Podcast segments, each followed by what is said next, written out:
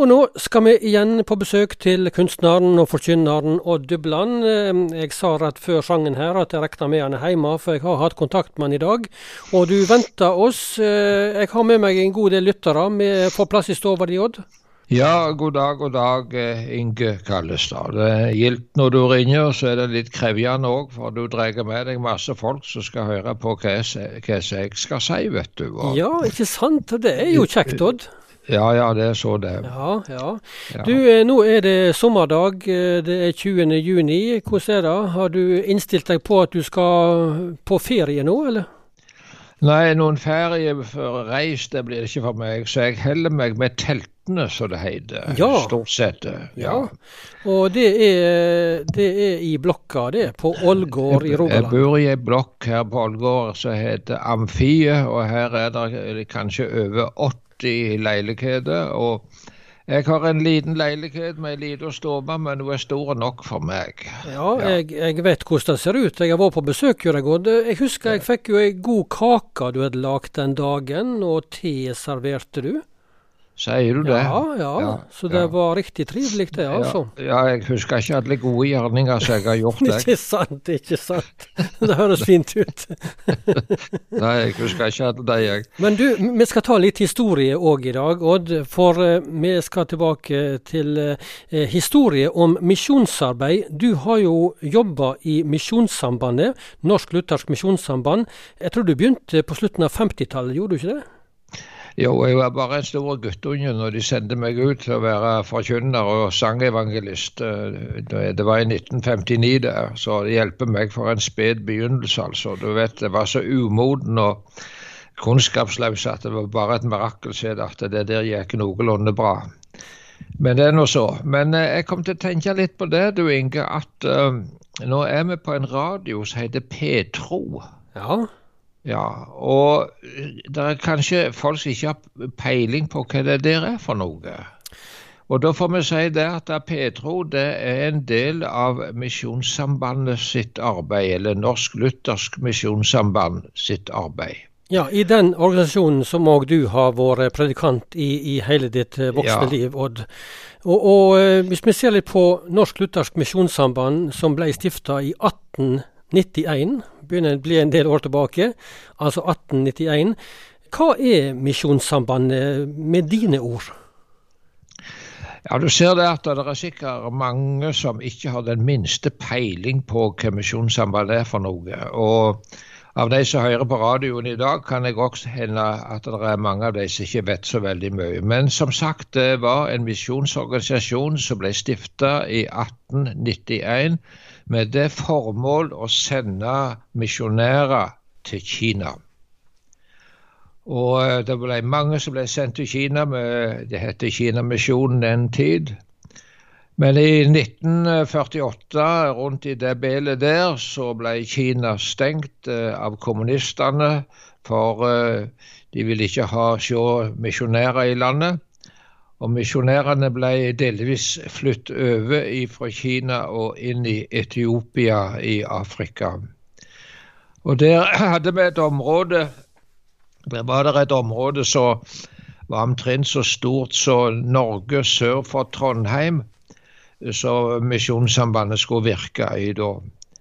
Og så vidt en veit, så var det ikke evangelisk kristne i dette området da så kom det en vekkelse som er så usigelig stor at det er helt fantastisk og uforståelig mest, men i dag teller de mange millioner de kristne i dette området.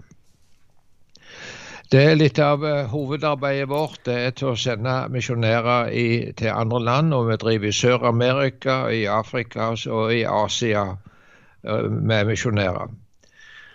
Men så er det det at de som stifta Kinamisjonen og Misjonssambandet, de forsto det at det skal en drive misjon, så må vi også drive med et kraftig arbeid her i landet. Ja, fra starten av så, så tenkte en i de banene med å drive arbeid, misjonsarbeid i Norge? Ja, visst måtte de Og ved hjelp av forkynnere, og ikke minst eh, ved hjelp av skolene våre. De starta mange skoler, ungdomsskoler. og I dag er det spredt skoler fra Drotningborg i sør til Fjellheim bibelskole i nord. Mange skoler rundt forbi i Norge, og i disse skolene er det ca. 7000 elever og ca. 1100 ansatte. Så det er et veldig skolearbeid. Likeens så, så, driver vi med, med nærradio, slik som du og meg holder på med akkurat nå. Og det, det er beregna da til så alle kan høre det. Hvis så sant de er på nettet, så når det over hele verden. Men vi har Norea Mediemisjon som en stor radiosending i, til land der ingen misjonær kan komme. Og det er veldig viktig. Eh, du nevner her eh, skoler, du nevner mediearbeid. Hva annet arbeid driver Misjonssambandet?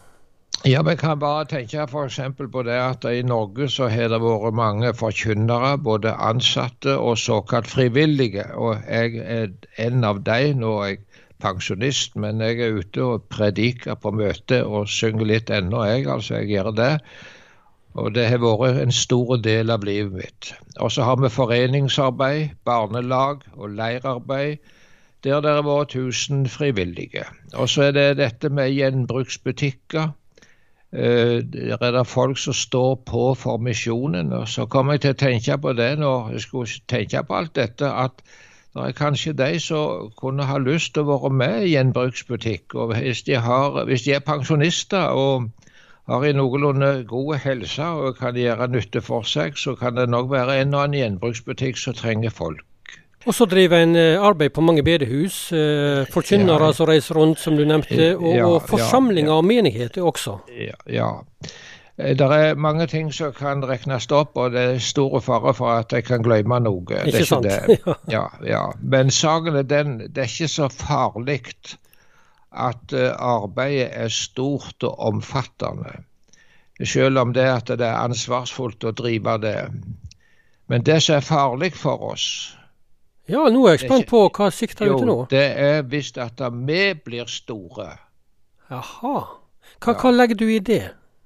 Nei, altså det det at arbeidet er stort, men, eh, men hvis vi blir store og tykker dette med svære folk, da kommer vi vekk ifra den tanken at uh, Gud må være den som hjelper oss, og da får vi ikke bruk for Gud lenger. Og da er det tapt hele vårt arbeid, hvis vi kommer vekk ifra det. Du ser det, kongen David i Bibelen, han ble frista en gang til en meget spesiell sak. De hadde oppnådd å få fred i Israel, og fiendene var stort sett nedkjempa. Og så er det David. Han har lyst til å speile seg litt i denne militære overmakta som han nå hadde. Og han foretar en folketelling i, over hele landet for å se hvor mange våpenføre menn som var i Israel. Men dette dette var en stor synd av David. For det var en ting som David glemte. Det var det at Israel var et verk av Gud. Det var ikke et menneskeverk. Det var Gud som hadde frelst dem og hjulpet dem. Og det vært veldig farlig for oss hvis vi ikke er i den situasjonen at vi trenger Guds nåde i vårt arbeid at vi akter hverandre høyere enn oss sjøl. Det er veldig viktig at vi gjør det. Og er takknemlige for kallet, og må også legge fram arbeidet vårt i bønn til Gud, og at Han må hjelpe oss, og at vi aldri kommer vekk i det, og at vi blir slik sjølhjelpte på alt. Det der syns jeg er litt uh, alvorlig å tenke på. Og så kommer jeg til å tenke på en ting til. Uh, der uh, Jesus han forteller en lignelse en gang om en mann som hadde et stort fikentre som var planta i, i vinhagen. Ja, det står om det i Lukasevangeliet kapittel 13. Ja, nettopp, ja. Jo, og så er det det at uh, denne, han som eier denne, denne hagen, da, han ser på dette store fikentreet, og så bærer det ikke frukt. Og så sier han det til gartneren at uh, Hvorfor skal det stå her og ikke bære frukt, og så arme ut jorda? Ja, jeg tenkte på det. Ja, og hva tenkte du da? Ja, altså Hvis vi ikke bærer frukt, altså, så står vi bare så armer ut jorda. Men så er det denne gartneren da som sier det at la det få stå et år til. Og Så jeg får grave rundt det og legge hevd inntil, så kanskje da det kan bære frukt. Og så er det slik i dette Guds rike at vi, vi ber om et nytt nådens år ifra Gud. At Gud ikke må forkaste oss, men at vi må få være i tjeneste for Herren der vi er. Og Det vil jeg si til slutt, du Inge. Altså, Misjonssambandet klarer seg utmerket godt uten å ha Dubland. Men jeg klarer meg ikke uten å være med i dette arbeidet. Det har vært et liv for meg, og har jeg fått drevet med mange ting. Men jeg er veldig takknemlig for at jeg har fått være forkynner også i Misjonssambandet. Jeg har det. Mange takk skal du ha, Odd Dubland, for du tok ja. fram dette i dag. Ja, så må vi ønske alle en veldig fin sommer.